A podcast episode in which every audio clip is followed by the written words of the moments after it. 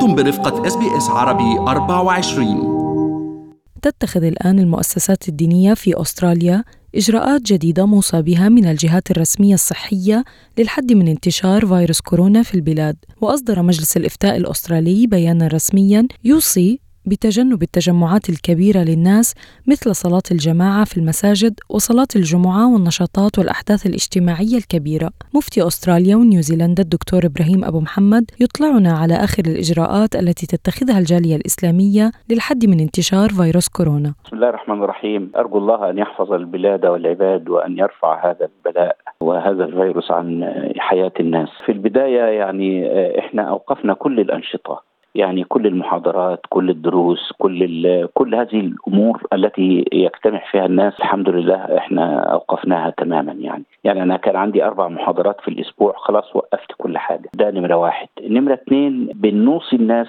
الآن إنهم يتجنبوا الزحام حتى في المساجد. مش بس في الأماكن العامة يتجنبوا الزحام في الأماكن العامة وحتى في المساجد. والنهارده إحنا مطلعين بيان هو طبعا بيستند إلى الواقع وواقع الإحصاءات من الجهات الصحية الرسمية محلية ودولية. وبنؤكد في البيان إنه الإيمان بقدر الله لا يمنع الإنسان من ممارسة أسباب الوقاية. في الصحة والمرض وأنه ممارسة الأسباب هي من قدر الله ومن ثم فالمسلم بيرفع قدر بقدر أو يدفع قدر بقدر.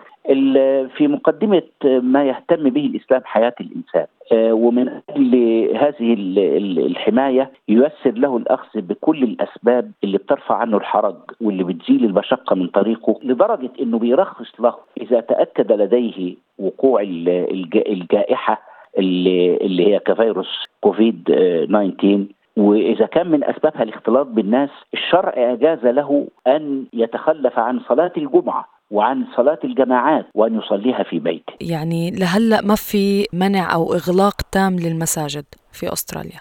إحنا بنوصي الناس بضرورة الصلاة في بيوتهم تجنبا للزحام طيب. والالتزام بتوجيهات الدولة والهيئات الطبية. نعم. إذا الهيئات الطبية بتقول ممنوع التجمع يبقى ممنوع التجمع.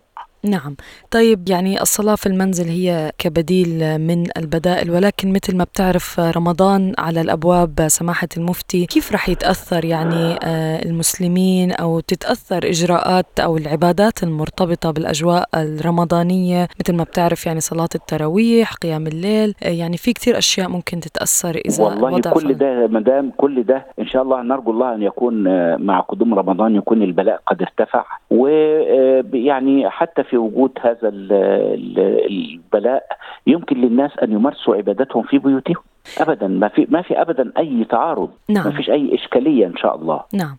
طب لو سماحة المفتي بتحب تقدم رسالة للناس اللي حاسة مثلا إنه هذا الوباء مثل غضب من رب العالمين عليهم في كتير أشياء عم تنتقل عم بتخوف الناس أكثر اعتقادات فشو بتحب تقول للناس لتطمنهم في في ظل هاي الأجواء الصعبة؟ هو اولا إحنا يعني كمسلمين نؤمن بأنه الآجال بيد الله سبحانه وتعالى. والواقع بيقول لنا وربي القرآن النصوص نصوص القرآن بتقول لنا إذا جاء أجلهم لا يستأخرون ساعة ولا يستقدمون.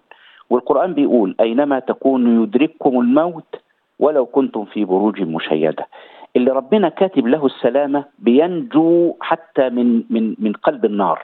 وناس بتموت. وفي ناس بتموت في الشارع وهي ماشية من غير سبب من غير كورونا من غير أي شيء. فالموت ليس مرتبطا بسبب. طيب لل broader community للمجتمع يعني شو هي الرسالة اللي بتقولهم يطمنوا انه إنه يعني في في في قدر أعلى الفيروس في قبضته. واخد بال واخد بال حضرتك؟ في قدر. في في حق في إله الفيروس في قبضته. هو الذي يعني يمد أمده وهو الذي بيختصر أمده إحنا مطالبين إن إحنا نلتزم بالأسباب فإذا كانت الجهات الصحية بتقول لنا إن إحنا لازم نلتزم بالنظافة وغسيل اليدين بشكل مستمر.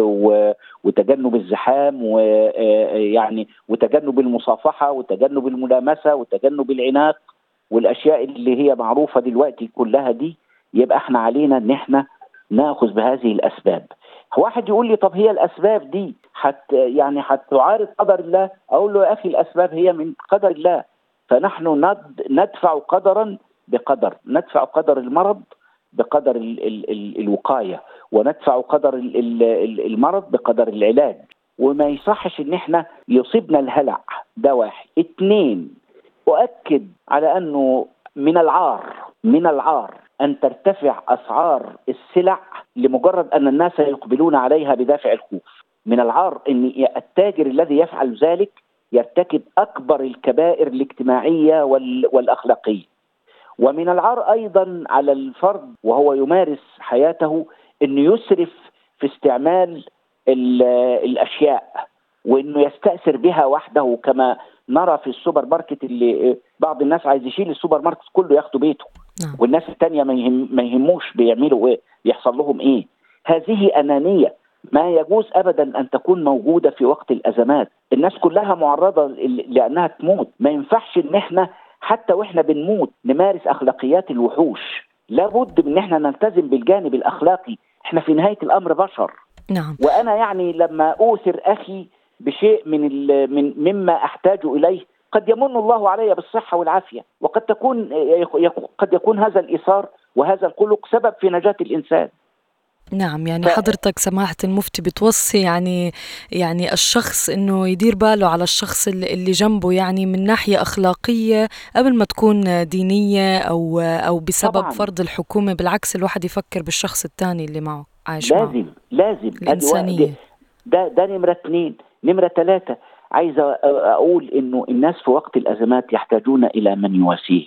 لازم نسأل على بعض ولو بالتليفون. مش ضروري حتى بالمقابلات. الناس أيضا تحتاج في مثل هذه الظروف إلى من يمرضهم. من أكبر القربات إلى الله سبحانه وتعالى ومن أكبر الأعمال الأخلاقية والإنسانية آه، إن إحنا نرعى المرضى عن طريق الجهاز الطبي الممرضات أو أطباء.